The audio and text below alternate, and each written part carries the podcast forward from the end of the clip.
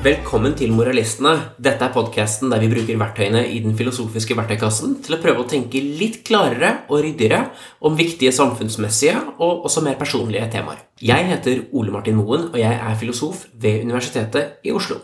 Denne episoden, som er episode nummer 13, handler om de såkalte velferdsprofitørene, og om etiske og politiske spørsmål knyttet til det å ta ut profitt på velferdstjenester. Dette er en diskusjon mellom meg selv og Aksel Brånen Sterring. God dag, Ole Martin. God dag, god dag. Du, eh, Nå har jeg blitt utrolig irritert over en debatt som har gått i norsk media i de siste ukene, hvis ikke månedene, om velferdsprofitører og velferdsprofitt.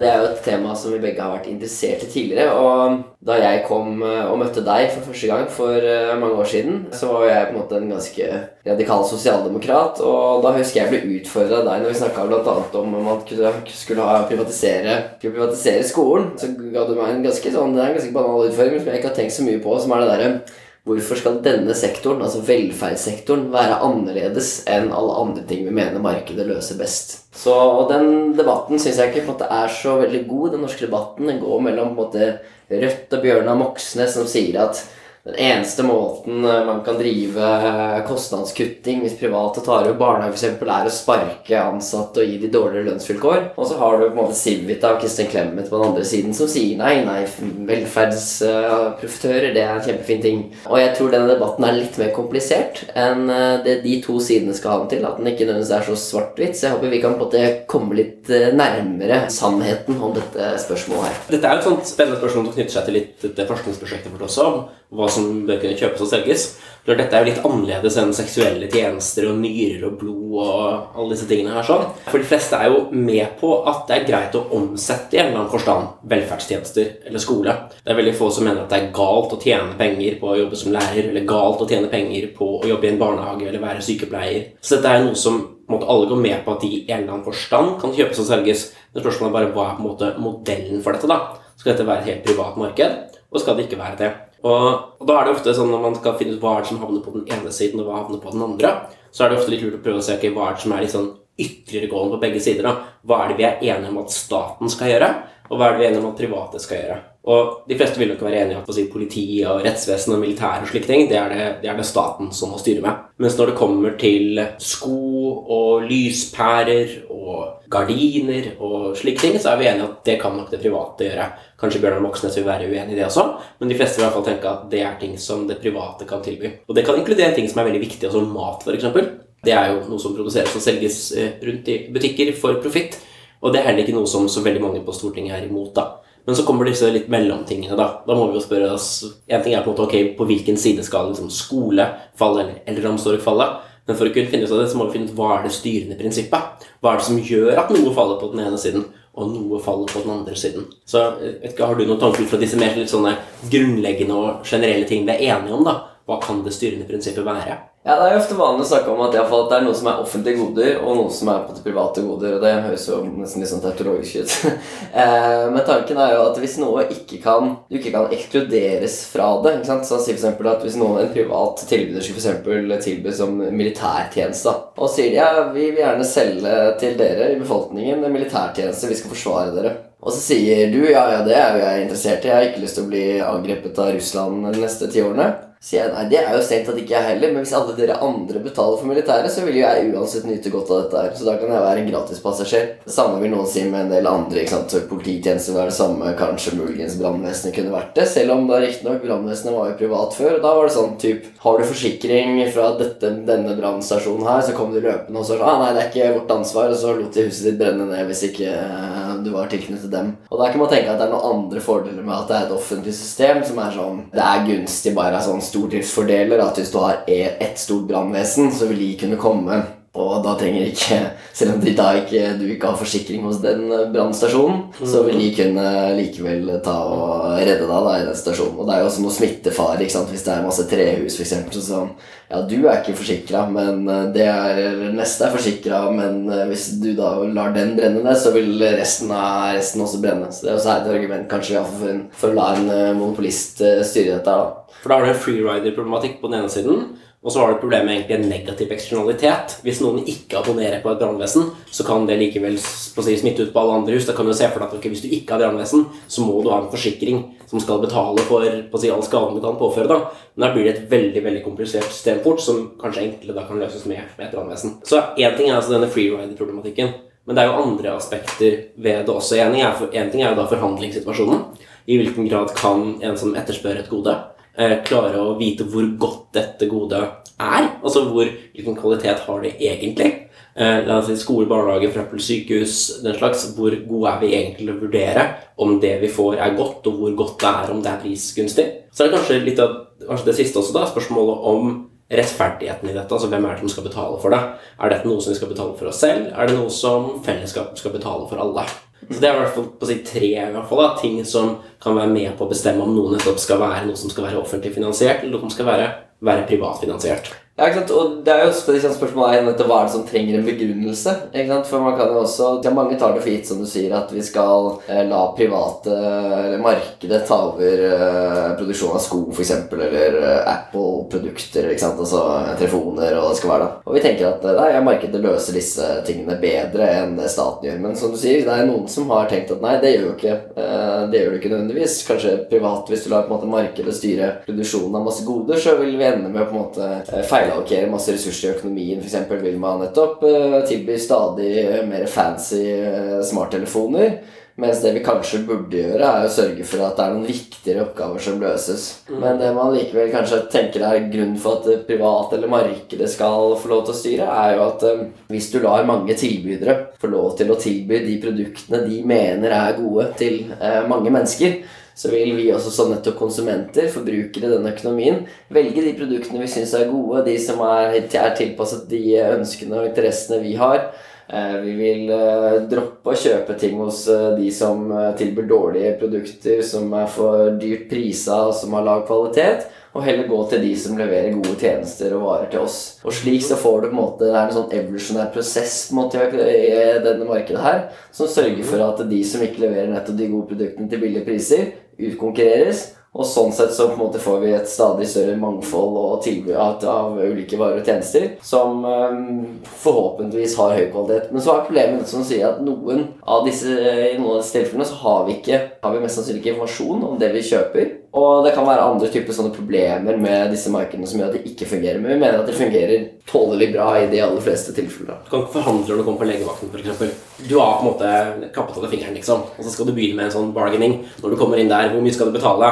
Altså Dette er ting som vi åpenbart ikke vil at man skal gjøre. det må ordnes på andre måter. Men det som på en måte en måte å prøve å ramme inn den diskusjonen da, kan jo være at ok, du har på en måte én gruppe på den ene siden. altså Hvis man er en ordentlig, ordentlig kommunist, så vil man jo kanskje at staten skal ordne alt. Og er man en ordentlig ordentlig liberalist, så vil man at, at uh, det er det private som skal ordne alt. Men så kan man si at ok, det man har den mellomposisjonen, da, vil ha en blandingsøkonomi eller sosialdemokrati, som de fleste, og vi også, vil ha. Så er spørsmålet ok, vi må iallfall ha en slags konsistens da, om hva er det vi mener at skal høre hjemme hvor. Det er ikke veldig vanskelig for en liberalist å forklare at skolen bør være private, og det er ikke vanskelig for en kommunist å forklare uh, hvorfor sykehjemmene bør være offentlige.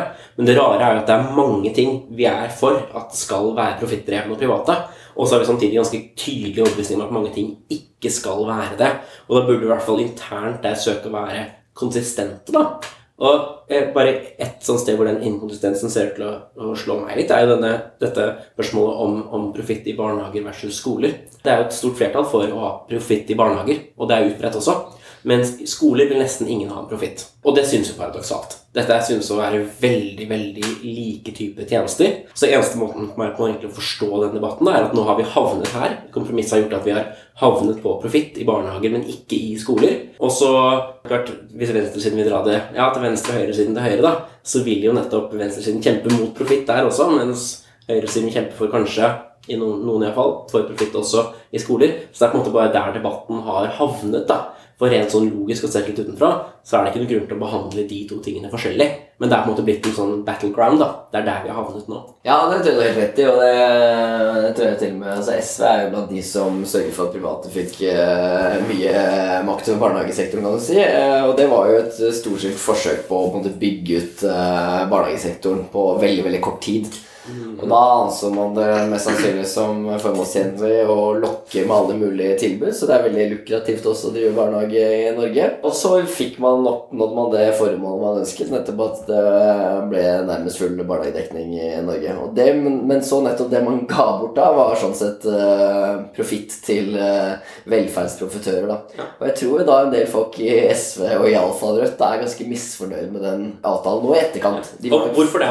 Hva er problemet hvis man sette seg litt i deres sko? Og så skal man tenke ok, hva, hvor er det Hvor er det problemet ligger? Hvorfor er Bjørnar Moxnes så imot dette? Ja, så Den banale kritikken er jo nettopp det å si Nei, vi har en gitt antall, eh, vi har en gitt antall uh, penger uh, som vi skal bruke på barnehage. Ta vare på barna når foreldrene her uh, jobber. Og hvis vi lar private drive dette her istedenfor det offentlige, så vil det være noe av de pengene som vi gir, som går til profitt til disse eierne, som ellers kunne vært brukt på å tilby tjenester til barna. Og Da antar man jo på en måte at det ikke er noe muligheter for at disse som driver av private barnehager, kan gjøre dette på en smartere måte, prøve å kutte kostnader eh, på andre måter. For da er det, tenker man en sånn én-til-én-sammenheng. Her er det penger rett ut av vinduet. Problemet med den ikke sant, er jo um, sånn Hvis det argumentet funker, eh, skulle funke her, så er det alltid spørsmål hvorfor funker det ikke i alle andre sektorer? Hvorfor er det ikke slik at eh, staten kan ta over eh, smartphone-produksjonen? Det ville kanskje Bjørnar Moxnes si? Ja, det kan hvor hende. langt han ville gå. Ja, jeg vet ikke om det går så langt, men liksom, det, det virker i hvert fall som det argumentet skulle gjelde også der. At det er sånn, ok,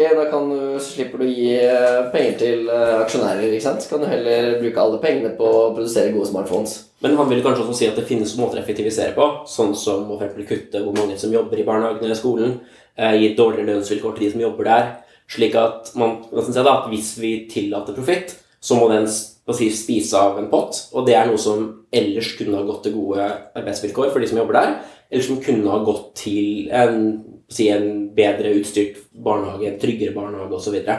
så da er det en fast sum, liksom. Ja. Og hvis, eh, hvis velferdsprofitøren skal komme og spise en bit av det, så er det mindre igjen til de ansatte og til barna. Det vil vel være hans bilde av hvordan dette er. Og hvis du bare ser på Det er ikke noe, det er ikke noe dårlig kritikk heller. Nei, helt ser man, og ser man på en del av det som har skjedd i Norge, så ser man nettopp ut til å være tilfellet at de kutter kostnader gjennom å kutte pensjon, for det er mindre lukrativ pensjon i det private enn i det offentlige. Mm. Eh, så da er det mange som, spesielt når du har privatisert allerede måte barnehager som tidligere var offentlige, så er det mange som har mistet gode pensjonsvilkår da. Og det er jo på en måte, kan man si, er synd. Det avgjør synet på en måte om man pensjon er for lukrativ eller ikke. Men likevel så er det på en måte er det vært kutt i da ansattes vilkår, som har vært en måte å spare penger på. En annen måte ser ut til å være at det er en viss form for underbemanning av ansatte i øh, disse private sammenlignet med det offentlige. Så det jobber altså det er flere på jobb av voksenpersoner på jobb i de offentlige barnehagene. Det ser også, tror jeg, ut til å være slik at det er flere som har utdanning. eh, Så det er flere fagutdanna folk i de offentlige barnehagene enn i, de, i de private barnehagene. Så dette er alle måter å spare penger på som det iallfall Bjørnar Moxnes og andre vil tenke er eh, ikke spesielt optimalt. Da. da har du flere som jobber med dårligere arbeidsvilkår, samtidig så kanskje barna får et dårligere tilbud siden det er færre ansatte på jobb. Men Så da har jo Moxnes pekt til en mekanisme som gir veldig mening, eh, og som man kan forstå. Og det er jo spørsmål tilbake da, Hvis man skulle stilt spørsmål tilbake til, til Civita, da, eh, som står på litt motsatt side her, sånn, hva er grunnen til at, til at vi likevel skal la disse profitørene får lov til å spise en del av denne kaka her? Er klart, Da kan man jo peke til enkelteksempler på at ja, men foreldre til barn i private barnehager er mer fornøyd, f.eks. Man kan peke på, på si enkel statistikk som viser det. Men det burde jo også være en form for mekanismer. da. Dette er et mer generelt spørsmål også om hvorfor vi skal ha profitt noe sted i det hele tatt. Så det er spørsmålet hva er det de private kan gjøre, da? Er det slik at de gjennom å spise en del av denne profitten faktisk kan tilby mer, da? Er det, er det noen goder de kan, kan tilby, som kanskje Bjørnar Moxnes ser bort ifra, da? Og du skulle, du skulle tenke nettopp at uh, hvis barnehagemarkedet fungerer som andre markeder, da, så skal man tenke at uh, private tilbydere, i og med at de har lyst til å tjene mer penger, så har de lyst til å tiltrekke seg flere øh, barnehagebarn. For det er det de tjener penger på. Og hvordan tiltrekker det flere barnehagebarn? Jo, det er ved å tilby en god barnehagetjeneste, skal vi tenke på da. ikke sant? Man må i hvert fall prøve å overbevise foreldre om at dette her er et veldig bra sted for deres barn. Og det samme initiativet er i hvert fall det man sier, har jo ikke det offentlige. De prøver å gjøre dette så godt som de kan, for så vidt, men de har ikke kjempeinteresse nødvendigvis av å på en måte øke størrelsen på barnehagen for å sørge for at flere barn kommer inn. Fordi de tjener ikke noe mer penger på det. Det er ikke noen på en måte vinning fra deres side for det. da. Mens derimot det private har alltid da et insentiv til å på en måte prøve å utvide og prøve å gjøre disse tjenestene bedre, nettopp for å tiltrekke seg flere da, kunder. Så det er på en måte argumentet som Og slik da kan man tenke seg at eh, da en barnehage prøver på dette her, så det, skjer det i konkurranse med en annen privat barnehage over her. Og så blir det en, en sånn kontinuerlig sånn økning av kvaliteten på disse barnehagene når de er konkurrerer med hverandre. Så et, et, et spørsmål er på en måte Det er kanskje det hvor mye potensialet for forbedring som ikke går utover enten barna eller går utover de ansatte, er det egentlig rom for. Og jeg som si, tidligere ganske klar liberalist, nå mer sånn sosialliberal, litt etter innflytelse fra deg, vi har dratt meg litt til venstre, men mitt sånt utgangspunkt var, og har nok litt fortsatt også, at en del tankegang fra venstresiden som ikke har med omfordeling av goder å gjøre, med hvem som skal tilby goder å gjøre, har litt med Det synes for meg å bli motivert noen ganger av litt sånn mangel på kreativitet eller mangel på å se hvordan ting kan gjøres annerledes. da. Hvis man tenker at det å tilby det å ha en barnehage, det er på en måte en slags, et slags homogen vare. Du bare tilbyr mer og mer av det. Det er én ting som er barnehage, eh, og en ting som er skole. Så skjønner jeg at da er det ikke noen måter det kan gjøres dårligere eller, eller bedre på. Men i de aller fleste delene av livet så er det jo en veldig stor mulighet for å kunne gjøre ting bedre. Det ser vi jo med smarttelefoner, datamaskiner f.eks. Der kan vi definitivt gjøre ting bedre. Hvis vi bare hadde hatt på å si, en statstelefon på 80-tallet, liksom. Det hadde vi også, faktisk. Så, så hadde, ikke, ikke skjedd så mye innovasjon. Og det er klart Noen har spurt ja, men hvor mye bedre kan telefonene bli. da? Altså, De kan lage lyd. Det, det tar ikke så mye mer tid for denne lyden å komme over med en privattelefon. liksom. Det er ikke noe mangel på linjer. Hva er forbedringspotensialet? Og Problemet er at man ser jo ikke egentlig forbedringspotensialet før noen har gjort det og vist hvordan det kan gjøres. Og den mangelen på denne, denne generelle åpenheten da, for at ting kan gjøres på en mye bedre måte enn vi gjør det nå, uten at vi helt vet hva den mekanismen kan være, det tror jeg er en av de tingene som motiverer de som en slags liberalistisk grunnholdning da, til å være åpne for at ja, det kan være mye bedre måter å organisere en barnehage på eller en skole på. Dette er noe som jeg si, merker litt selv i mitt eget liv også. Eh, mine barn gikk en, gikk en offentlig barnehage først, og nå flyttet til en privat barnehage. Vi er kjempefornøyd. Eh, og så er jo jeg nesten en velferdsprofitør litt selv også. Ikke direkte, for det er ikke lov å ta ut profitt fra, fra, privatskoler, men jeg var med på å grunnlegge Humanistskolen, som er en, en ungdomsskole i Oslo. Og, og, vi som har, er med der, vi har alle vært i offentlig skole før. Og det er klart man, igjen, Dette er ikke for profitt, men hvis man skal se på hva er det private kan gjøre annerledes, da, så kan man tenke at skole er også en helt homogen ting. Men det er likevel spørsmål hvordan bygger man egentlig opp dagen for elevene? Hvor legger man inn pause både for dem og for de ansatte? Hvor drar man på turer? Hvordan bygger man opp klassene? Vi har ikke klasser, vi har tilhørighetsgrupper som gjør at man, man hører sammen med ti og ti elever, og så har vi en omrullering. Vi har fleksitid, så elever må være så og så mange timer i uken på skolen. Og de må være der midt på dagen hver dag, men kan komme tidlig og gå tidlig, eller komme sent og gå sent. Vi bruker digitale læringsressurser i mye større grad enn en lærebøker. Eh, vi har veldig mye besøk utenfra. Der vi bruker Google sitt system i stedet for å bruke Classfronter og slike ting. Det er veldig mange forskjellige ting da, som kan gjøres litt annerledes. Og i hvert fall fra meg som styreleder for en privatskole sitt perspektiv, da, så er det på ingen måte tilfellet at skole er en homogen tjeneste.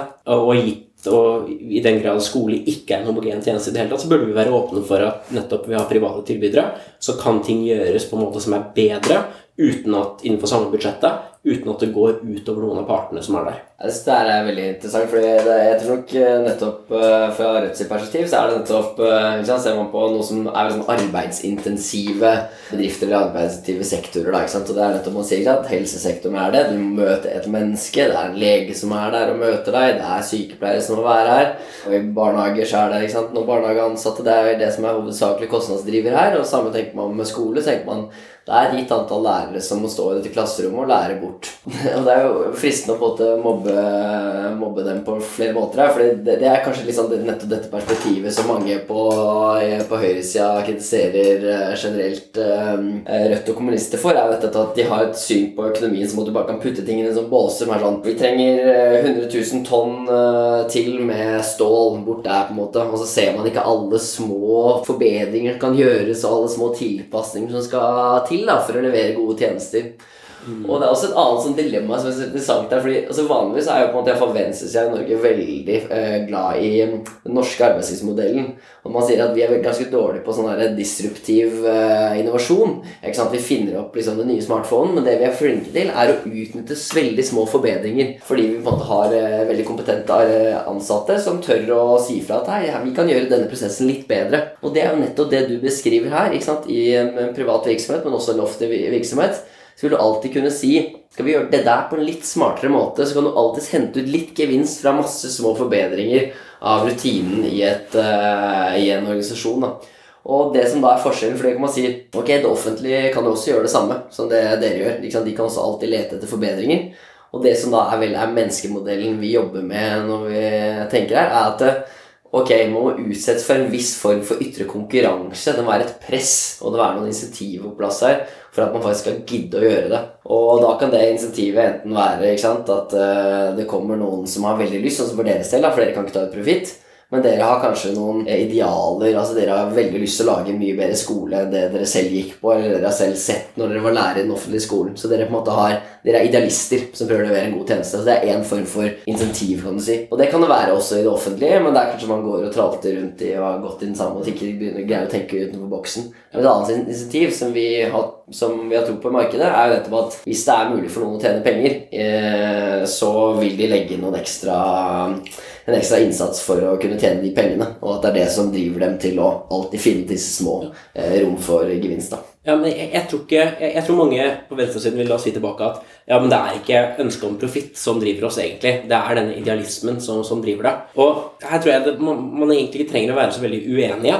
Også Vi som driver Humanistskolen, gjør dette fordi det er, det er fint for oss å kunne drive en skole, og vi kan jo da ta ut lønn, men ikke profitt. Men det, eh, selv om vi er drevet av idealisme, så gjør det at vi ikke kan si, selge aksjer til noen og dermed få inn kapital, gjør at vi ikke kan bli større. Vi har ingen måte å kunne vokse på. Det kunne vært mange humanistskoler i Norge, men det blir det ikke. Fordi det er forferdelig vanskelig for oss å kunne sette i gang. Det er ingen som kan investere i oss og få ut en, en større sum senere. Det er, det er, vi, vi, kan ta opp et lån. Det er det meste vi kan gjøre. Så i stedet for å kunne da få investeringskapital, så måtte vi til og med sette vår egen leilighet på, til pant, liksom, for å kunne få lånt penger til å få skolen i gang. da. For det er ingen som kan investere i å få dette fremover. Så jeg tror vi kunne hatt mange flere skoler som Humanistskolen hvis det hadde vært mulig med profitt. Selv om ikke kanskje vi hadde tjent mer profitt heller, så hadde vel likevel vi hatt et insentiv, eller en mulighet i alle fall, da, til å kunne bli større. Så jeg, jeg, tenker litt på, Det er ganske viktig å tenke på, på tror jeg, forskjellen eller likhetene mellom biologi og økonomi. Og det man må ha for at noe skal fungere bra biologisk og i evolusjonen, det er jo at du må ha mutasjoner. Så ting må kunne gjøres annerledes enn hvordan de var gjort før. Og idet det er en heldig mutasjon, en god mutasjon, så må den spre seg i populasjonen. Du må få mer av den. Så du må ha en mutasjonshastighet, og du må ha en mutasjonsspredning. Og fordelen med et marked er jo at der kan alle aktørene som er nært ved, og som ser hva de gjør og kan forbedre det som ligger foran dem, de har muligheten til å kunne gjøre ting annerledes, og de som er rundt, har mulighet til å etterligne det. I et offentlig system, jeg har jo vært lærer i offentlig skole også en god stund, der er det jo veldig lite rom for å gjøre ting annerledes. Du må følge de fagplanene som ligger der, du må følge måten skolen gjør det på. Det er veldig lite rom for å gjøre noe på en annen måte, og det kan ikke spre seg så mye heller. For da må kanskje kommunen skoleeier, da, som er kommunen, inn, og skoleeier har jo ikke tid til å De har jo mer nok med å tømme søppel og avløp, og jo, de har jo ikke tid til å sette seg virkelig inn i hva det skolene bør gjøre. Så alt blir veldig tregt. Få mutasjoner, dårlig hastighet for at dette sprer seg. Ja, men det, jeg, jeg, tror det er et uh, veldig godt poeng, og det er nettopp slik som du sier, det er slik markedet fungerer. Ja. Ikke sant? Uh, men jeg tror nettopp her kommer det opp mot et annet ideal. Dette måtte klasje med et annet ideal i norske skolen, som er det der fellesskoleidealet om at alle skal egentlig kunne gå i akkurat den samme skolen. Idealet, det sosialdemokratiske idealet for skolen er at egentlig alle går i én skole. Én heltlig skole som har akkurat det samme tilbudet til alle, som sikrer at alle elever, uansett for bakgrunn, får en god nok utdannelse. Og La oss si vi er helt enig i det. La oss si det er et viktig mål. Det er Hvorvidt det er et viktig mål eller ikke, eller mål vi kan klare å oppnå, er et helt annet spørsmål om er det et problem at denne mutasjonshastigheten ikke er høy nok, og at mutasjonen ikke sprer seg. Så fordi man kan, man kan helt klart mene at ja, vi burde ha en skole for alle, så kanskje er det verdt det å ha en lav mutasjonshastighet og lite spredning av mutasjonene. Men er, man kan likevel vedgå at dette er et problem for å kunne finne gode løsninger, med mindre man da mener at man allerede har funnet den, den gode løsningen. Men jeg, jeg vil gjerne dra også litt videre dette med, med, biologi og økonomi. fordi det er to fag som egentlig har ganske mye med hverandre å gjøre. Og, og jeg syns det er interessant hvordan, særlig innenfor, innenfor økologi, så skulle man nesten tro at venstresiden og høyresiden burde nesten bytte ståsted. Fordi venstresiden er tradisjonelt veldig opptatt av miljøvern og vet at okay, hvis vi gjør en intervensjon i naturen, så vil det kunne ha uante konsekvenser. For her er det et komplekst samspill av faktorer som ikke vi helt har overblikk over. Eh, så hvis vi bare intervenerer her sånn, så vil det ha negative konsekvenser. Klart Det vil jo mange på høyresiden også være helt enig i. Men når det kommer til markeder, så burde man jo se på et marked litt sånn som man ser på en regnskog, der veldig komplekse strukturer som ingen har helt overblikk over, har vokst frem. Og hvis du setter en minstepris eller en makspris, eller eh, bestemmer at noe må gjøres på én måte snarere enn en annen, så har det masse ringvirkninger i dette markedet som er litt tilsvarende de ringvirkningene man vil se i et økosystem. Fordi en økonomi er et slags menneskelig økosystem. Det er bare et av de viktigste økosystemene til arten menneske.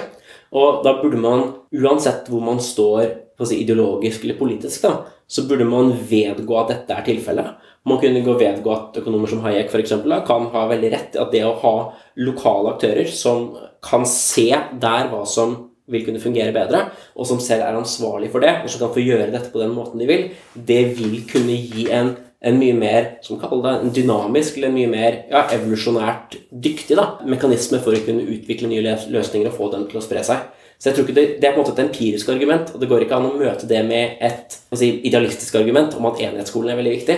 Det kan godt hende at den er veldig viktig. Da må man likevel vedgå at dette er et problem. Og så må vi spørre seg hvordan kan vi klare å få en enhetsskole kombinert med en så høy hastighet da, av gode løsninger som overhodet mulig. Det kan man nok være enig i, men, men, det er nettopp det som sier. Vi trenger på en måte nye, gode løsninger. Vi trenger at noen prøver og feiler, og så kan vi lære av deres uh, feil, og så prøver vi å lære av noens suksesser. Det er det vi ønsker å gjøre. Og det ser man jo. ikke sant? Der prøver f.eks. offentlige virksomheter å ha sånn benchmarking og ikke sant? hvem er det som får det til nå, og så prøver man å spre på en måte eksemplene. ikke sant? Sånn, og Se på denne skolen her, de får det bra til. Er det noe andre skoler kan lære av fra dem? ikke sant? Så man har på en måte visse sånn måter å prøve å, sørge for, å, for disse, disse, mutasjonene spres. da. Du sier at New Public Management da, er en måte å forsøke å etterligne et marked innenfor en ikke-markedskontekst? Det er det definitivt. ikke sant? Og dette kan jo i teorien gjøres uten um, noe New Public Management-greier. og Bare at man har sånne eh, ledersamlinger ikke sant, hvor rektorene kommer. ikke sant? Og dette høres jo alltid mye bedre ut i teorien enn det er i praksis. ikke sant? Men det ja. kunne være slik at noen sier sier se hva vi har fått til her, vi er på en måte idealskolen, eh, se på alle disse bra resultatene vi får, og så vil alle vært kjempeinteressert i å prøve å lære fra dem. da, ikke sant? Mm. Eh, så det hadde vært en modell eh, man kunne få til. Men jeg tror likevel det som gjør at dette er interessant at det, På en måte da er dette er, Det er kanskje ikke nødvendigvis sånn idealistiske konflikter eller verdikonflikter her, men det er likevel at du har dette mutasjonsønsket ditt. ikke sant? Man må la noen, om det er private eller ikke private, prøve å feile. Men da, det tror jeg kommer opp mot to nettopp uh, andre verdier. Hvor den ene er litt sånn rar, som er, er at vi må ikke eksperimentere med barn. Og, og, det er jo klart, for dette er, det er treige læringsprosesser. Så hvis du lar på en, måte, da, en skole på en måte tilby sine tjenester, og så viser det seg at det var skikkelig dumt Det, var, mm. det leverte, leverte utrolig dårlig læring til barna. Så er det tross alt noen barn som har gått på den skolen i sju år, da og som endte med å ikke få en utdannelse som har vært noe som helst. Og da tror jeg de, mange tenker at Nei, det der må vi for all del unngå. Det er en sånn tanke om at ja, vi kan kanskje få noe positivt ut av at disse prøver seg. Noen vil lykkes, men det er også noen som kommer til å feile ordentlig, og du vil ikke ha barna ditt på den skolen. Det er urettferdig at barna må gå gjennom den. Og så er den andre ja, er det der, Selv når de lykkes, og dette er på en måte det motsatte, så er det sånn du vil egentlig ikke at så mange skal lykkes heller, for da skaper du større forskjeller. Og det er viktigere på en måte Jeg tror mange tenker at det er ikke nødvendigvis så viktig at skolen er på en måte perfekt innrettet mot å lære barna alt mulig rart. Det viktigste er at ikke sant, samfunnet er en I all hovedsak er det en konkurranse.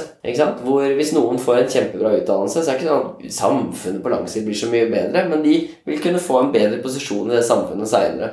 Så hvis du på en måte var så uheldig da, å havne på den skolen som da ikke lenger var noe særlig god, fordi da kom det noen kjempegode privatskoler, så vil de som var på de kjempegode privatskolene, vil få de beste jobbene, vil tjene mer, og så blir det bare større ulikheter i samfunnet. Så du har egentlig ikke på en måte fått noen gevinst verdt å snakke om ved å på en måte tillate den her eh, mutasjonsprosessen eh, du snakker om. Fordi det er nettopp uh, Det er på en måte relativ Fordi det er et nullsumspill? Det er et nullsumspill, ja. ja. Det er det antageligvis ikke. Men, men, men, hvis det var et nullsumspill, så, så, er jeg jo enig. Men da, jeg er helt enig, altså de som ønsker enhetsskolen, da Hvis denne var veldig bra, så ville jeg jo vært enig i det. Men du snakker om en skole som, er, som ikke fungerer i det hele tatt. Jeg, jeg vil jo tro at det er et større problem for offentlige skoler enn for private skoler. Private skoler har jo et enormt på å si, ettersyn om man etterlever alle, alle regler og alle forskrifter. Det hadde vært spennende om offentlige skoler ble utsatt for det samme. Det blir det jo ikke. Men, men, men jeg, jeg, likevel si, jeg, jeg, kan skjønne tanken om en enhetsskole.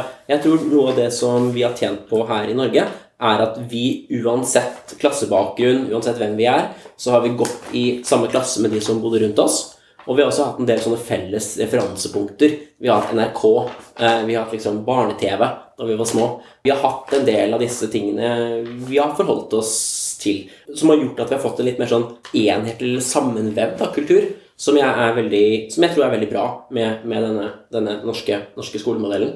Og den bør vi da ikke miste. Da spørsmålet hva er vi, hva er det vi eventuelt kan gjøre da, for å klare å få det beste av, av begge verdener. Jeg, skrev en artikkel i Dagbladet for noen måneder siden som heter Fremtidsskolen, hvor jeg jo tok til orde for at vi, når vi først har en offentlig skole, så burde vi jo bruke de beste vi har av forskere og folk til å kommunisere ting, til å lage videoer som kan forklare nytt fagstoff for elevene, istedenfor at det sitte tusenvis av lærere, som alle ofte er amatører på hvert eneste felt de jobber med. Altså De er, kan ofte noe, men det meste de underviser i, jo, har de jo bare noen få studiepoeng i. Og istedenfor at alle skal sitte og gjøre dette ved siden av hverandre, så kunne man jo hatt noe som var mer sentralgitt. Og der lærere la til rette for gode diskusjoner i klasserommet, la til rette for et godt klassemiljø, men der man nettopp kunne fått noe mer enhetlig, da, og fått et faktisk et samlingspunkt gjennom denne formen for videoundervisning, da, som jeg tror kunne vært et gode. Så vi må jo se på liksom, Jeg tror vi må sitte fast i den si, ideologiske tanken om ok, hvis man er for enhetsskolen, så er man mot private skoler. Og er man mot enhetsskolen, så er man, er man for. Vi må jo spørre hva er det som er godene da ved enhetsskolen, og hva er det som er godene ved de private? Og prøve på så udogmatisk måte som mulig å finne ut hvordan er det vi kan realisere mest mulig av disse godene sammen. Klart Noen ganger så vil kanskje de stå i konflikt med hverandre. da. Noen ganger så er det genuine konflikter mellom frihet da, eller enhet, f.eks. Men likevel da, så må vi jo spørre oss Så jeg kan skjønne at si, verdikonflikter kan føle at man vil ende, ende på forskjellige policies. Man må likevel spørre seg, da. Man burde jo ikke ha en ideologisk tilknytning til én måte å organisere skoleverket på. Det må være visse verdier man ønsker å fremme gjennom skoleverket, som må være det styrende. Spørsmålet hvordan kan vi få mest mulig av det gode gjennom det skoleverket vi har, da. Jeg tror skolen vi har nå, er jo et gammelt gjenheng fra for ja, 100 år siden, der man måtte sitte og bli fortalt ting rundt om i klasserom. Og at det, etter hvert som dette har vokst ut til å bli mer av skoledagen, enda flere gjør det i enda flere år, så tror jeg dette har blitt et slags gjenheng fra fortiden da, som jeg tror uh, gjør veldig mye skade. Og som jeg tror vi virkelig trenger, trenger innovasjon innenfor da, for ja. å kunne, kunne gi, gi elever bedre skolegang. Ja, det er interessant det der. Det, det, går jo på en måte nettopp liksom, På et vis det høres ut som det er en, eh, en måte, motsetning med det du sier om dette mutasjons... ikke sant? Du ønsker på en måte, Siden dette var et mangfold av offentlige skoler, også, så kunne du tenke at det var en viss sånn læringseffekt uh, av å tillate de offentlige skolene å drive som de selv vil. ikke sant? Mindre sånn styring fra toppen. Mens du nå foreslår på en måte en sånn litt sånn toppstyrt modell. Men det er ikke nødvendigvis uh, inkonsekvent, for du kan tenke at nettopp det du som du sier, det utnytter hva tross alt som er statens fortrinn her, som er stordriftsfordeler. Ja. Ikke sant? Så du har kontroll på alle disse skolene på et vis. Og kan si greit nok, nå sparer vi inn masse ressurser på å få inn de beste forskerne til å lage på en måte noe standardisert uh, læreplanmateriell og så undervisningsopplegg. Og så vil kunne, lærerne kunne spille en annen rolle. Og det er jo interessant. Sånne type tanker tror jeg vi trenger. da. Men når det kommer til som jeg vil å tenke litt mer på, er det der, hva er det som skal til da, ikke sant? for at et uh, skolemarked da fungerer godt. Og jeg har vært liksom, litt sånn sjarmert av tanken på å tillate mer, uh, flere private alternativer i skolemarkedet. Men først og fremst da egentlig med en grunn om at det er først når brukerne, altså elevene i dette tilfellet, foreldrene, alt etter skjønn, har muligheten til å si Nei, jeg har ikke lyst til å gå på denne skolen. Dere behandler ikke mitt barn, eller dere behandler ikke meg bra nok. Jeg mhm. får en dårlig undervisning, eller jeg passer ikke inn her jeg har lyst til å gå på en annen skole. Det er ikke før du tillater det, at du på en måte sikrer at makten faktisk ligger eh, der den bør være. da, Som den som tross alt skal gå på denne skolen og bli utsatt for denne undervisningen. og sånn. Hvis ikke de får lov til å kunne si 'nei, det her funker ikke for meg', så blir det lett et veldig nesten autoritært system. da. Så at det er en sånn, egentlig sånn, sånn fra venstresidens perspektiv òg en veldig sånn derre myndiggjørende bit å tillate folk å kunne velge. Men det som gjør det litt vanskelig, er nettopp det at du må spørre deg ikke sant? Er elevene her informerte forbrukere. Ikke sant? For med barn så er det slik at ja, de kan jo ha på en måte noen tanker om hva de ønsker der og da. Hva er det som er behagelig for dem? Men de skal jo også bli et annet menneske, et voksent menneske. De skal lære en del ting. Så, og det kan jo være det at hvis barn fikk velge hvilken skole de, som var best for dem, så er det ikke sikkert at det var den skolen som de trengte å gå på. Så det er på en måte ett problem. Og så kan du tenke at foreldrene heller ikke vet hva som øh, skjer på skolen. De er jo ikke der, så de får jo bare dette gjennom barna sine, og så kan de følge opp i en viss grad. Og det man dessverre ser, er jo at når foreldre velger i en del hvor man har tillatt flere private eh, skoler, så ser man jo at foreldre velger på basert på sånne heuristikker som sånn Hvor mange hvite barn er det som går på skolen? Så antar man det er på en måte tegn på enten på kvalitet på skolen, eller så tenker man at det er, her er det tryggere, eller et eller annet sånt. ikke sant?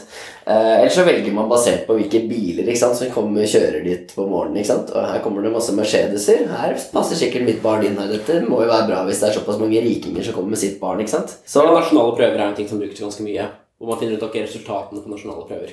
Ikke sant? Og det også kan jo være et problem, ikke sant? fordi det kan være en seleksjonseffekt. ikke sant? Og da er det sånn at Hvis de flinkeste barna går på en viss skole, så er det ikke du ser ikke på hvordan kommer dette her egentlig til å påvirke ditt barn. Eh, for det kan jo være at den skolen bare ikke leverer noe læringsutbytte. De bare sier ja, se, vi bare kjører gjennom de flinkeste elevene uansett.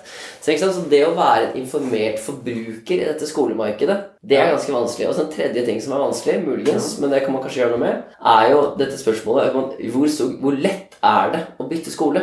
Mm. Og hvor lett kan du bytte til? For det er jo ikke slik at mange steder så er det ikke liksom Har du en skole der, og så er det en skole veldig langt unna, og det er ikke noe og kanskje et bra kollektivtilbud som gjør at det er lett for deg som øh, om det er tiåring eller om dette er på ungdomsskolen, og hva det skal være, komme fram til den andre skolen. Og det er selvfølgelig utrolig hvis du først har havna på en skole. Det å bare bytte skole midt i, midt i løpet også er utrolig vanskelig. da. Og da kan du miste ikke sant, den der eh, nødvendige dynamikken som vi egentlig ønsker av et marked. da.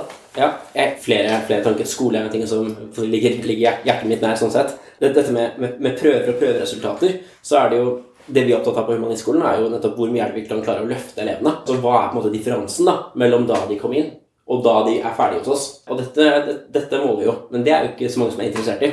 Eh, men det er det som burde vært interessante. Altså hvor mye er det man klarer å løfte? Det er jo ikke de absolutte tallene som er det viktige, det er de relative tallene som er det viktige. Fordi det å få en elev til å, fra, som har vært på en femmer, til å fortsette å være på en femmer, er jo mindre imponerende enn å løfte en elev fra en toer til en firer. Altså Det burde jo være det relative som legges vekt på. Jeg er helt enig med at skole er en Det, det må jo også liberale kunne gå, gå med på. At skole er, litt, er vanskelig pga. at det er en stor kan man kalle det en transaksjonskostnad av å bytte en skole.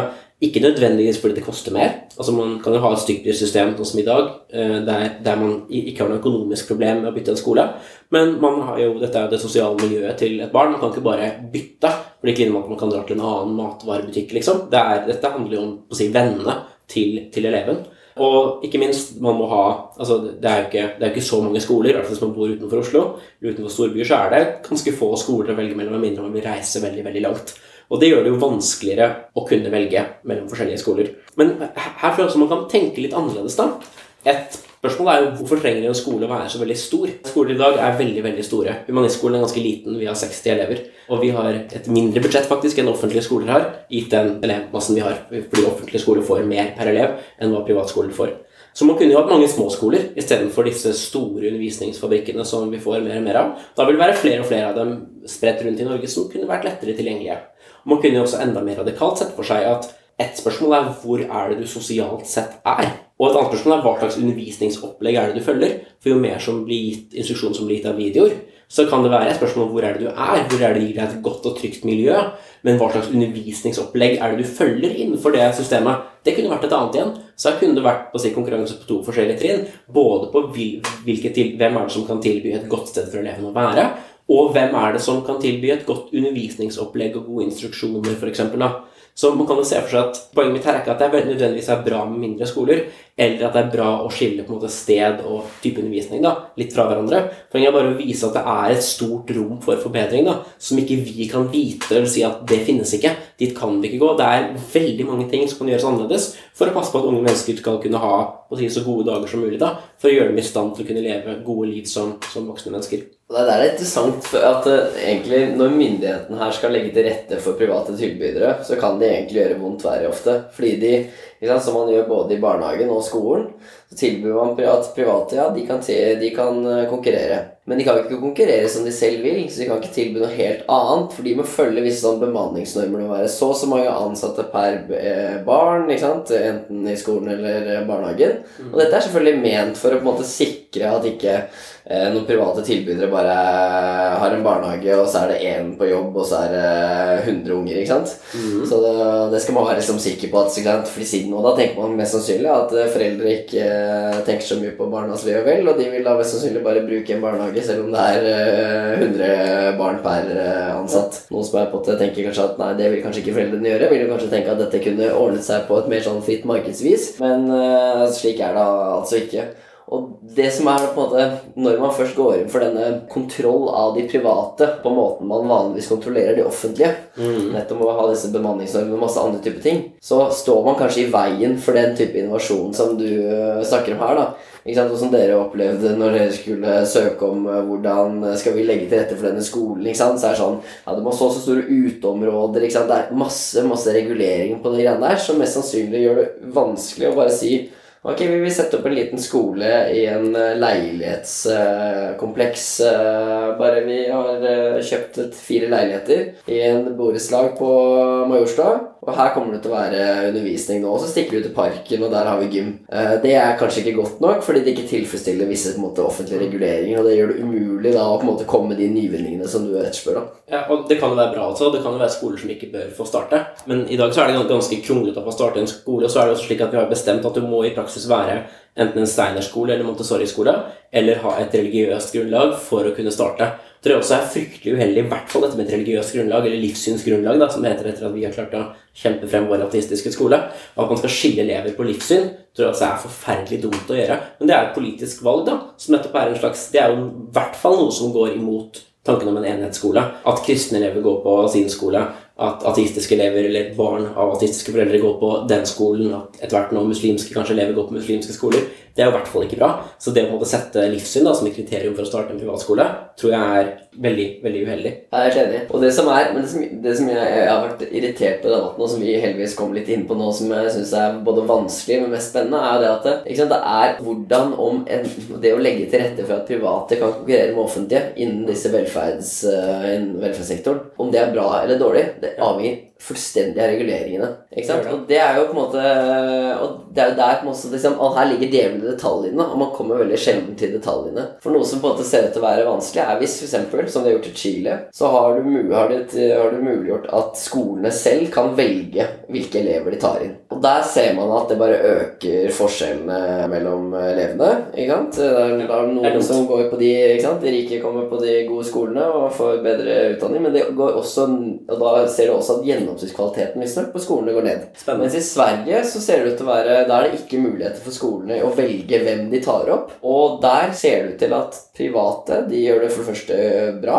eh, Men de øker også kvaliteten på de offentlige skolene. Og det er en fyr som heter Julian LeGrand, som er sånn britisk eh, samfunnsforsker. Og han har kommet med en del sånn eh, konkrete forslag på hvordan du nettopp bør organisere dette skolemarkedet hvis du først skal tillate private. Da. Og han har det som at det ikke må være lov for i privatskole i det hele tatt å sette en begrensning på hvor mange elever som går der, og at det da vil måtte regulere seg selv. Da. Så, da kan det være 500 stykker da, som søker seg inn på en skole, på en måte, og de må bare si ja uansett. Men eh, jeg skjønner ikke helt hvordan det skal fungere. Men Litt vanskelig med skolebygg og slik. Ja, det er exakt Hvis vi plutselig fikk gå fra 60 til 500, Ja. så det er vi måtte ha brukt sommerferien på å finne litt andre lokaler. Men han prøver dette da å tenke at nei, men dette må til for Ja. ikke nettopp sørge for at uh, det er noen som bare kan si greit, vi skal være 50 stykker her, og så kan man gå for eksempel på karakterer. Hvis dette skulle være en uh, videregående, da, så blir det alle de aller aller beste som kommer inn der, og så på en måte forsterker du ulikhetene. Ja. Så må man liksom tenke litt klokt om dette designet av det skolemarkedet.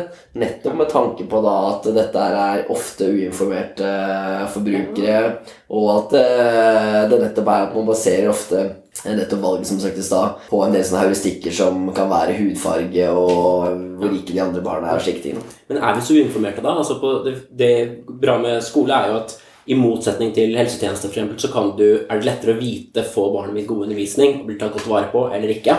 Og det er ikke bare noe som skjer én gang heller. Du kommer igjen dag etter dag, måned til måned, år etter år og kan bytte underveis i prosessen også. Så dette er jo ikke det. Det er veldig vanskelig å kunne vurdere ok, hvor god var blindtarmsoperasjonen min. liksom. Det er veldig ugjennomsiktig for de fleste. Men hvor godt barna ens har det på skolen, det er en ting som jeg tror er relativt gjennomsiktig. Og du merker jo også barnet sin utvikling, hvor motivert er det, hvor trygt følger det seg. Så jeg tror ikke dette er en helt ugjennomsiktig prosess heller for foreldrene, da.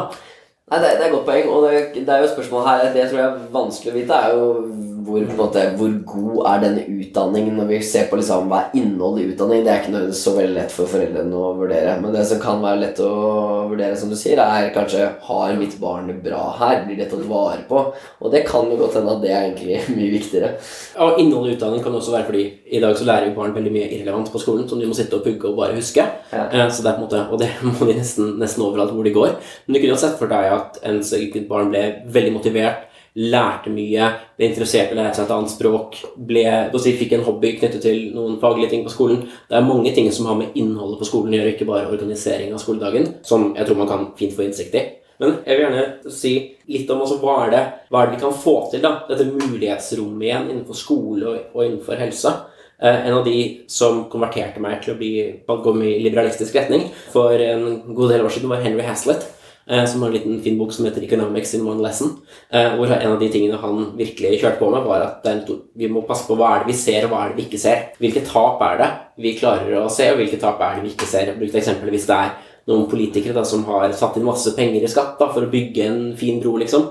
Så kan de komme og klippe den stolen og se på den fine broen vi har fått. Mens den broen kom jo fordi at det ble tatt inn veldig mye skatteinntekter så er det jo masse bedrifter og mange ting kulturelle som kunne ha skjedd i byen. Mange gode som kunne vært realisert, som vi aldri ser. Og vi ser aldri det som ikke kom. Vi ser bare den broen som ble bygget. Så vi må huske å måte, prøve å få inn da, hva er det vi, hva er det vi eventuelt går glipp av ved å ha det, det systemet som er såpass rigid da, som vi har i dag. Og jeg tror det er mye vi kan gjøre, først innen skole, men også innen helse. Jeg nevnte i stad at helse er på en måte, der må man ha en lege og du må ha sykepleiere og slike ting. Jeg tror mye man kan gjøre der også. Men innen skole først, da. Jeg skulle jo gjerne sett at elevene på humanistskolen og på andre skoler også ikke brukte så mye tid bare ved å være i klasserommet og skulle lære ting, men kunne være ute og Kunne ikke tre elever ha hjulpet flyktninger som har kommet til Norge, med, kanskje på deres egen alder, da, med å lære norsk, vise dem hvordan det, man, det fungerer å komme seg rundt i Oslo? Vi har da masse unge mennesker som, er, som sitter hele dagen og skal lære hvordan samfunnet skal fungere ved å sitte inne i rom i store undervisningsfabrikker. Kunne ikke de vært ute og gjort noe godt for flyktninger, for F.eks. folk som trenger noen på et sykehjem. De kan selvfølgelig ikke gjøre samme jobb som sykepleiere kan gjøre, men noen trenger bare litt oppmerksomhet, noen som kan hjelpe dem med å handle mat, noen som kan holde dem i hånden. Altså, Det er massevis av læring som jeg veldig gjerne skulle hatt elevene med og ut på, brukt mye tid på, men som man ikke kan gjøre. For dette må kunne begrunnes i læreplanmål, og det må kunne vurderes med tallkarakter etterpå. For det første er ikke dette så dekket i læreplanen, og for det andre så har ikke jeg noe vurderingsgrunnlag for det, så da kan jeg ikke gjøre det. Så da må jeg bruke ting som gir meg dokumentasjon, så jeg kan vise at eleven har klart det og vet det og vet det og vet det og husket det på prøven. Så har jeg på en måte covered my back som lærer. Og det tror jeg er et veldig veldig skadelig system. Jeg skulle gjerne også brukt mye mer tid på skolen på psykisk helse. På å skape tillit, skape trivsel. Kanskje elevene burde lære å meditere. Lære hvordan de kan bruke musikk for til, å, til å styre sitt eget humør. Hvordan ta vare på andre mennesker rundt dem. Hvordan være en god støttespiller hverandre, hvordan oppdage at noen andre har det vanskelig. Dette er ting som heller ikke i noen særlig grad er læreplanmål, men som jeg veldig gjerne skulle brukt tid på med elevene, men som jeg jo heller ikke kan gjøre. Eller bare det å bruke tid utendørs, i skogen f.eks., tror jeg er kjempebra for barn, men det kan man ikke gjøre fordi det kan man ikke vurdere. Mm. Så jeg tror det er store goder her, da. Så jeg tror barn kunne fått mye, mye bedre liv hvis man åpnet for å kunne gjøre ting annerledes. Og det samme gjelder, tror jeg, på sykehus også. Det er klart Man må ha leger, man må ha sykepleiere, men, men hvordan organiserer man det? da? Hvor mye kan gjøres på si, av de rent sånn faglige tingene? Hvor mye kan gjøres gjennom kunstig intelligens? Hvor mye må gjøres av en konkret lege som, som løper rundt? Hvor mye jobb er det sykepleiere må gjøre, og hvor mye jobb har bare med omsorg å gjøre, og kunne vært gjort av andre mennesker også, enten helsefagarbeidere, som jo er med i dag, men også av f.eks. elever, da, eller bare av frivillige, av, av andre, eller folk som si, er arbeidsledige, f.eks. Hvor mye er det de kunne hjulpet til med av de rent ikke tekniske tingene, men de mer mellommenneskelige og ja, støttende siden av det?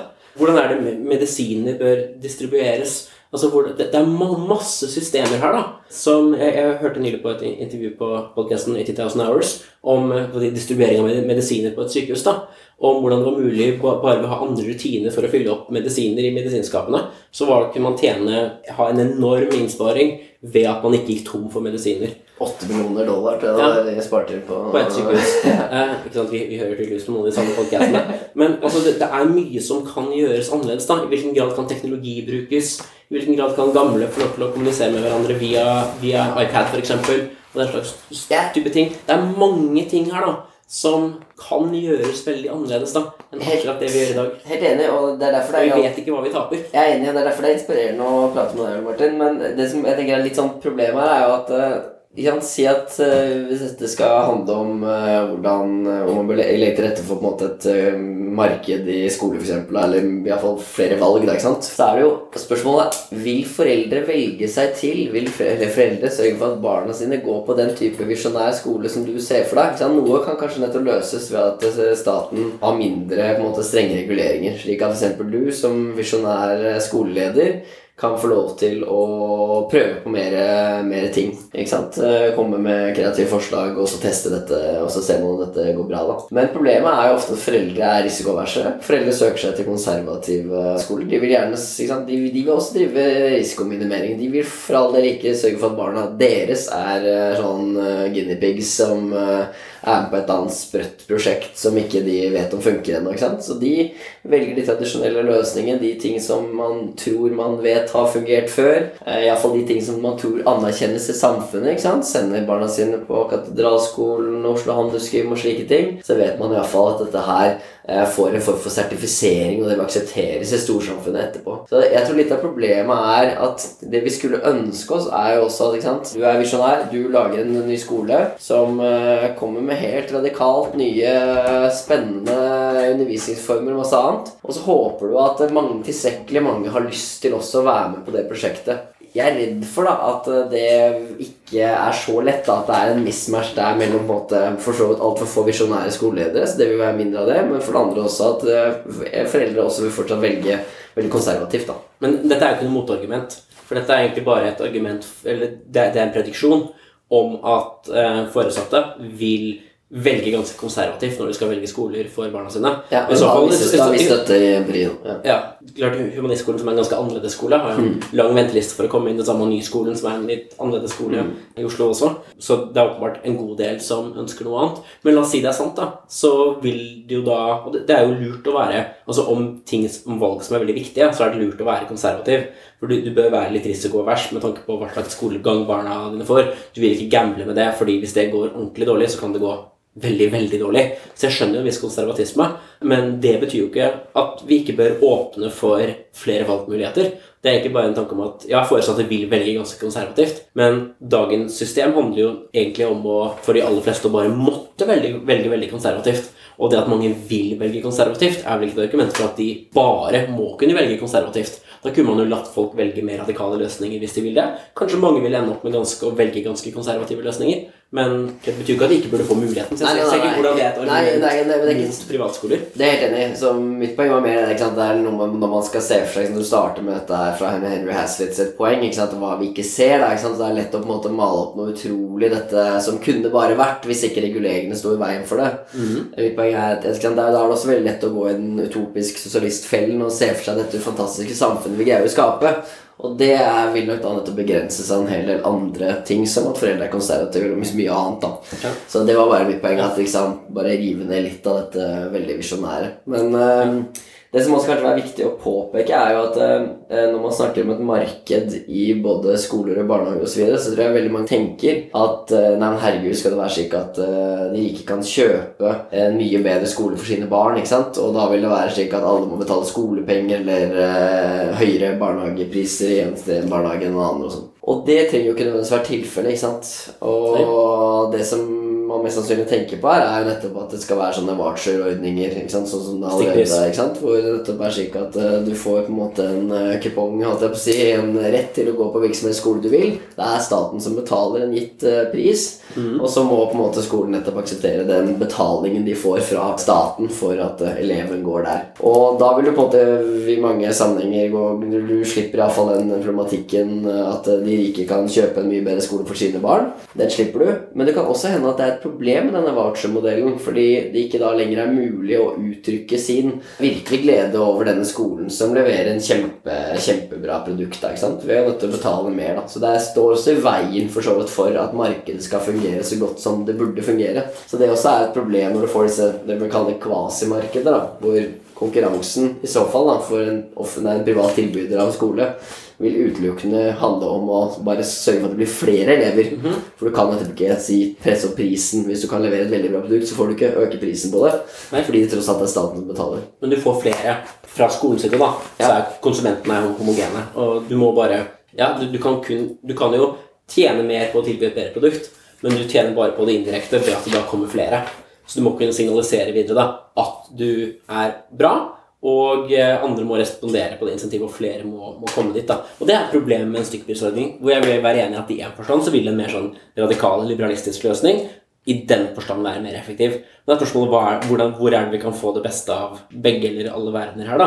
Og jeg tror dette med stykkprissystem er veldig godt, da. En, en, en god måte å kunne få det beste på å si få fleksibiliteten og nyvinningene i et marked, sammen med å kunne få rettferdigheten da, og tryggheten som ligger i et offentlig system, som jo også gir frihet til mennesker, som da får flere valgmuligheter. Det har vært en del av ditt sånt eh, omkved i, i, i diskusjonen etterpå om at om at det å gi folk valgmuligheter er noe som empower dem, som gir dem kraft til å kunne velge og setter dem i en bedre posisjon. Så jeg tror det er en god løsning. Jeg syns det er veldig rart at man tenker at Det er to veldig forskjellige spørsmål.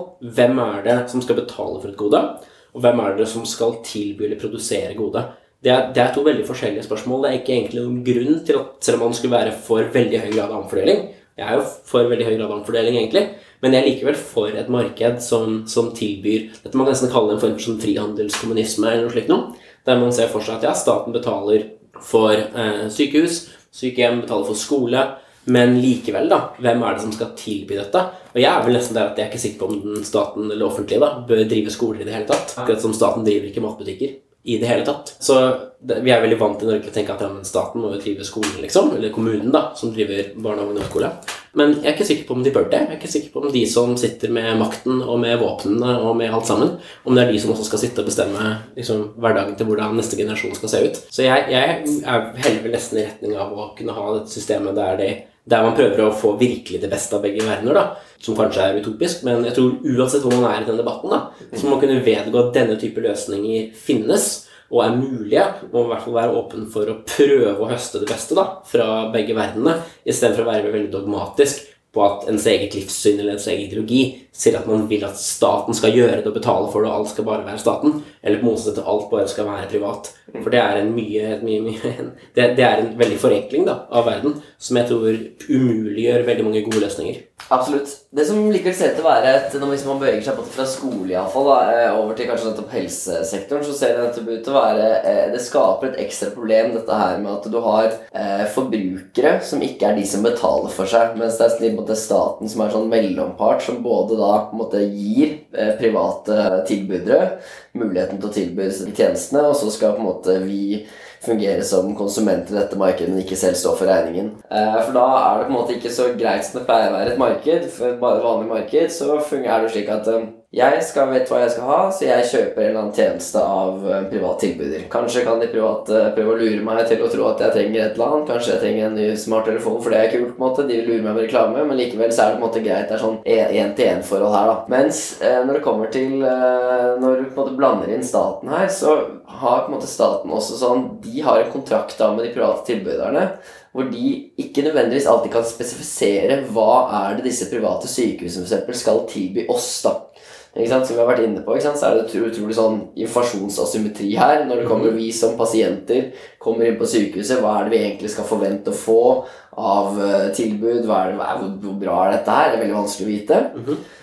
Så det er nettopp da hovedbiten av den kontrakten her, eh, eller forhandlingen egentlig, skjer mellom stat og det private sykehuset. Og da er det det man håper på at skal være tilfellet når det er et offentlig sykehus, så håper man at man både har en bedre på en måte flyt av informasjon mellom måte bestiller og tilbyder. Samtidig som man håper at de som tilbyr tjenestene her, er selvfølgelig motivert av et form for sånn etos om å være en god lege, og for så vidt prøve å spare staten for altfor store uh, utskeielser. Så det er den kompleksiteten som man kan få da, fra statens side, at man ikke greier å spesifisere kontraktene godt nok, mm. og at det da blir masse rom for, for sånn misbruk, men også misforståelser mellom da den private sykehustilbyderen og fra statens side. da. Ja. Så det er større problem innenfor sykehus enn innenfor skole. Innenfor skole så vil du jo kunne vurdere dette tilbudet som du får. Og det er jo sant at Overføringen skjer jo fra staten til skolen, men det er jo likevel hver enkelt elev da, eller hver familie har jo da med seg en pengesekk som de kan bruke på én utdanning snarere enn en annen, og kan jo bare bruke den ett sted, ikke to steder parallelt. Man står jo selv i man har jo, det, det, er noe som, man har jo en, en stake in the game selv også. Eh, om hvordan disse pengene skal brukes. Det er bare at man får med noe, en, en, pengesum som er øremerket da, til en slik type, type, tjeneste. Men det er jo da verre med et sykehus, for det er vanskeligere å kunne vurdere hva er det egentlig man får. Og dette er jo blir litt sånn utenfor mitt si, felt, egentlig, da. Men et, en modell som jeg i hvert fall er interessert i, i å utforske, og som kanskje også er blitt utforsket i litteraturen allerede, er jo dette med hva, hva man lar private forsikringsselskaper og private sykehus være den private delen av dette. Og det hver person får av staten, er en sum hvert år som man kan kjøpe en forsikring av. Da betaler f.eks. staten inn la oss si 25 000 kroner for en helseforsikring til hver innbygger i Norge. Og du kan ta med den til det forsikringsselskapet du har lyst til. Og de vil da kunne tilby noen litt sånn allround-forsikringer liksom, som dekker deg. Og så er det de, som en profesjonell privataktør, som må forhandle med sykehusene om hva de kan tilby innenfor disse rammene. Så da, altså, da, slipper du å få en forhandling mellom en profesjonell og en uprofesjonell part. Så da blir det bare for, for pasientens del. da. Du velger på en måte på alltiden da. Ok, Hvilken forsikringstilbyder er det du vil at pengene skal gå til? Og hva er det du får ut av denne? Hvor rask behandling er det de kan garantere? Hva slags type oppfølging er det de vil få i forskjellige tilfeller? Dette synes meg å være en modell, i fall en modell innenfor helse. da, Hvor det er vanskelig for enkeltpersoner å ta disse avgjørelsene. Og ikke minst hvor du kan, må kunne gjøre ting veldig veldig fort også. Hvilket du sjelden må i skole. Det er sjelden du trenger en utdanning sånn i løpet av neste uke. liksom. Så dette er en modell som det sikkert er en del ulemper ved som ikke har tenkt gjennom også, men det slår meg som en modell som kan løse noen av de sånn større strukturelle problemene da, ved å kombinere det private og det offentlige innenfor akkurat helse. Nei, det er ikke sant. Alt vil, vil jo mest sannsynlig avhenge av hvordan dette blir seende ut. Da. Det eneste som sånn umiddelbart kommer meg i huet, er jo at uh, i USA så er det jo veldig mye, er jo veldig mye betalt av forsikring, private forsikring. Og at det, mm, det er jo et av de dyreste helsesystemene vi har. Så der er det åpenbart masse sånn moral hazard-problematikk og, eh, og et eller annet som ikke ser ut til å fungere, selv om det burde i teorien nettopp funke på den måten som du sier. At det nettopp er en profesjonell part som ønsker å få ned kostnadene eh, mye. Men at det er et eller annet i den dynamikken hvor en enkelt pasient kommer inn og alltid vil ha det beste, og det ikke ser ut til å være noe spesiell penge, altså kostnadskontroll i det leddet, hvor de får servert de dyreste medisinene, og det er et forsikringsselskap som bare betaler og betaler. Og, det er litt, og hva er det som gjør det, da? i den amerikanske konteksten? Hva er det som gjør at et forsikringsselskap bare betaler og betaler og betaler?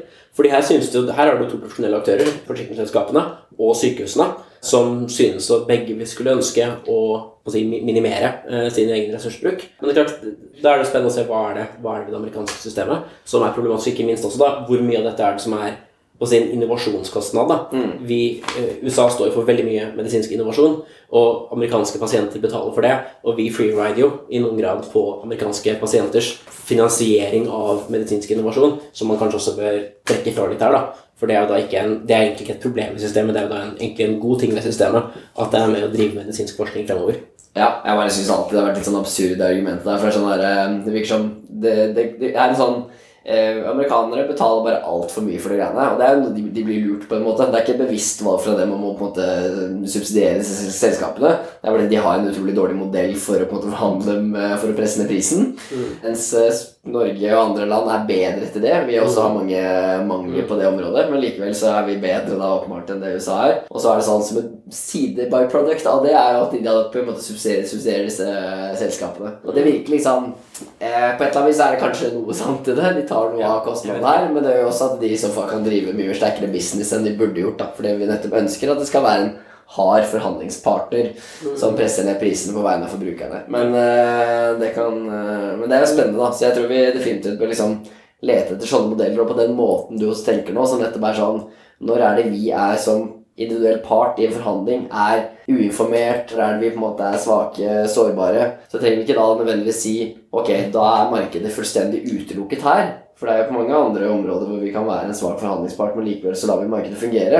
Fordi det nettopp kan være mellommenn for eksempel, som ønsker å tilby oss eh, informasjon om eh, hvor de gode tilbyderne er. Eller du har gode feedback-mekanismer som man har bedre og bedre ved hjelp av ny teknologi. ikke sant? Man har gode feedback-mekanismer på Uber nå, Airbnb. Det er ikke alltid det kan brukes for å vurdere legen din eller læreren din eller et eller annet sånt. Men likevel skal vi tenke oss ulike måter å komme rundt de problemene.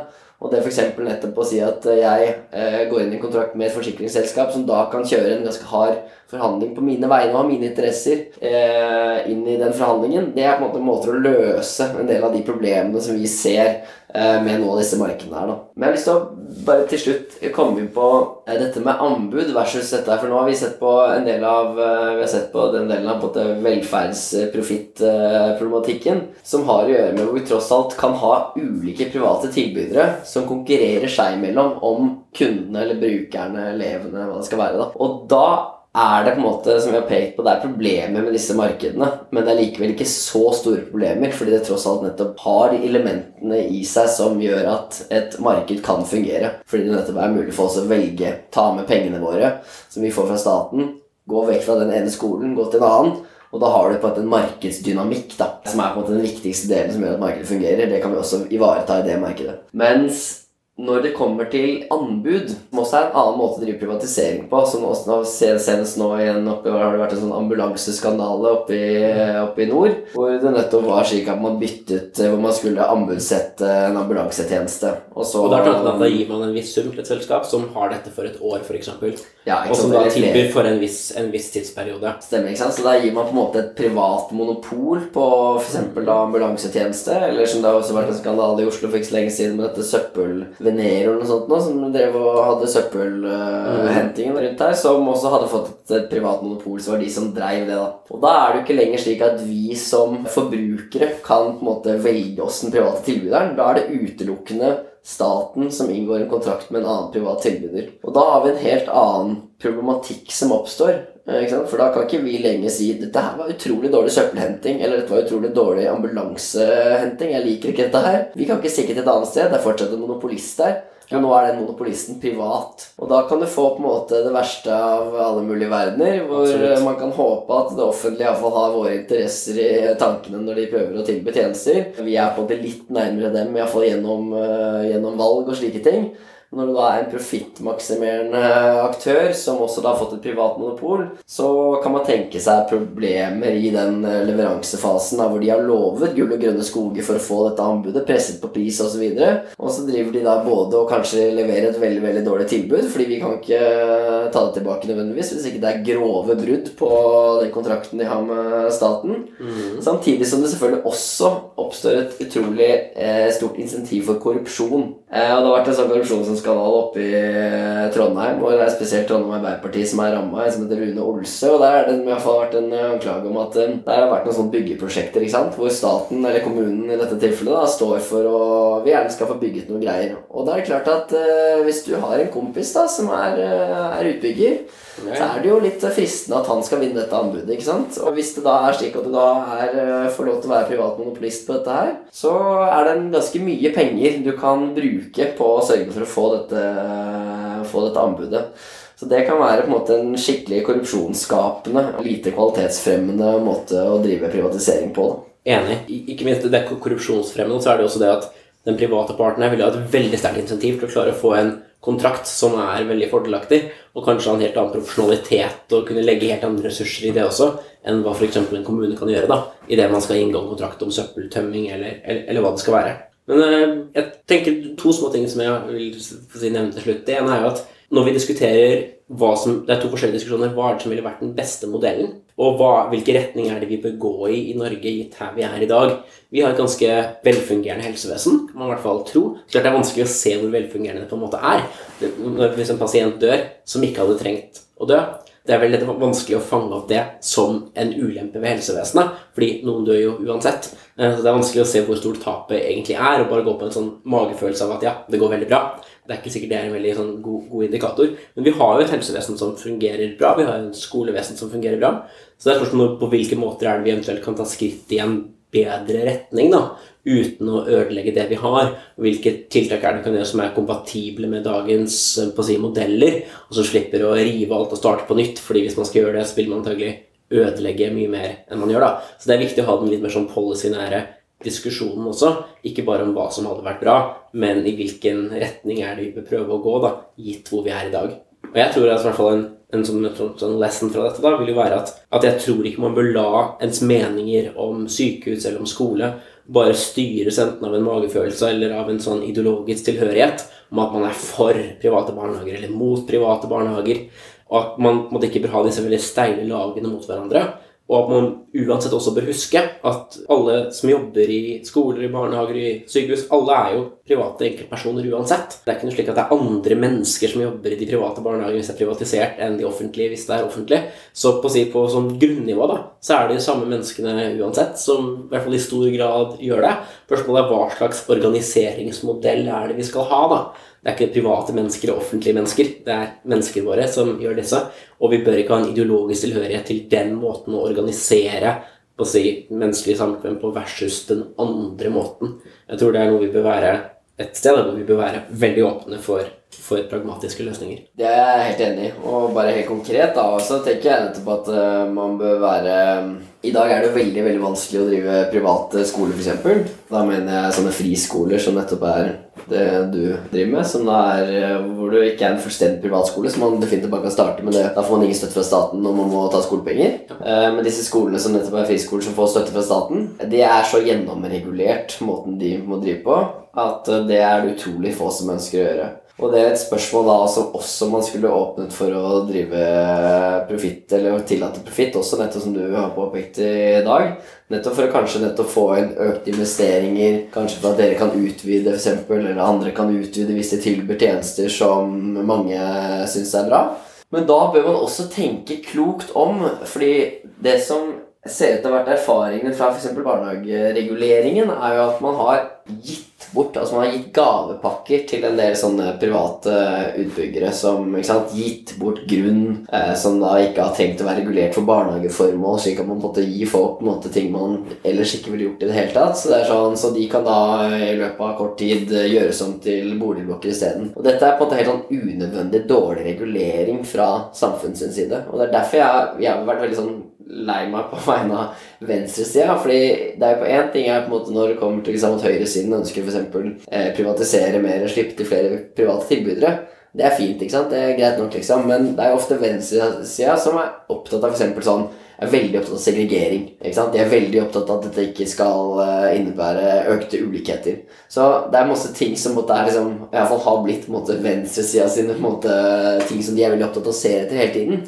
Det, og da har, har, det gjort at venstresida ja, har så, vært så redd for uh, at dette her skal føre til nettopp økte ulikheter uh, på alle mulige områder, at de har sagt nei, da da er vi fullstendig imot dette her. Vi er mot privatisering. Men det de mest sannsynlig burde gjøre, er jo å tenke hvordan kunne man regulert disse uh, kvasimarkedene på en god måte som ivare, ivaretar nettopp hensynet til likhet og slike ting. ikke sant? Hva med f.eks. en voucherordning hvor hvis du er annengenerasjons innvandrer, så følger det mer penger med til den skolen som tar deg imot. Hva hvis du kommer fra en eh, nabolag som har eh, mange problemer, så følger det mer penger med til skolen som tar deg imot. Sånne type ting kan gjøre at et slikt liksom, eh, kvasimarked i skolesektoren f.eks. vil fungere mer utjevnende. ikke sant? Så vi trenger på en måte alle gode tanker eh, inn for å regulere disse markedene. Og når da Venstre bare setter seg på bakbeina, så blir det dårligere enn det det ellers trengte å være.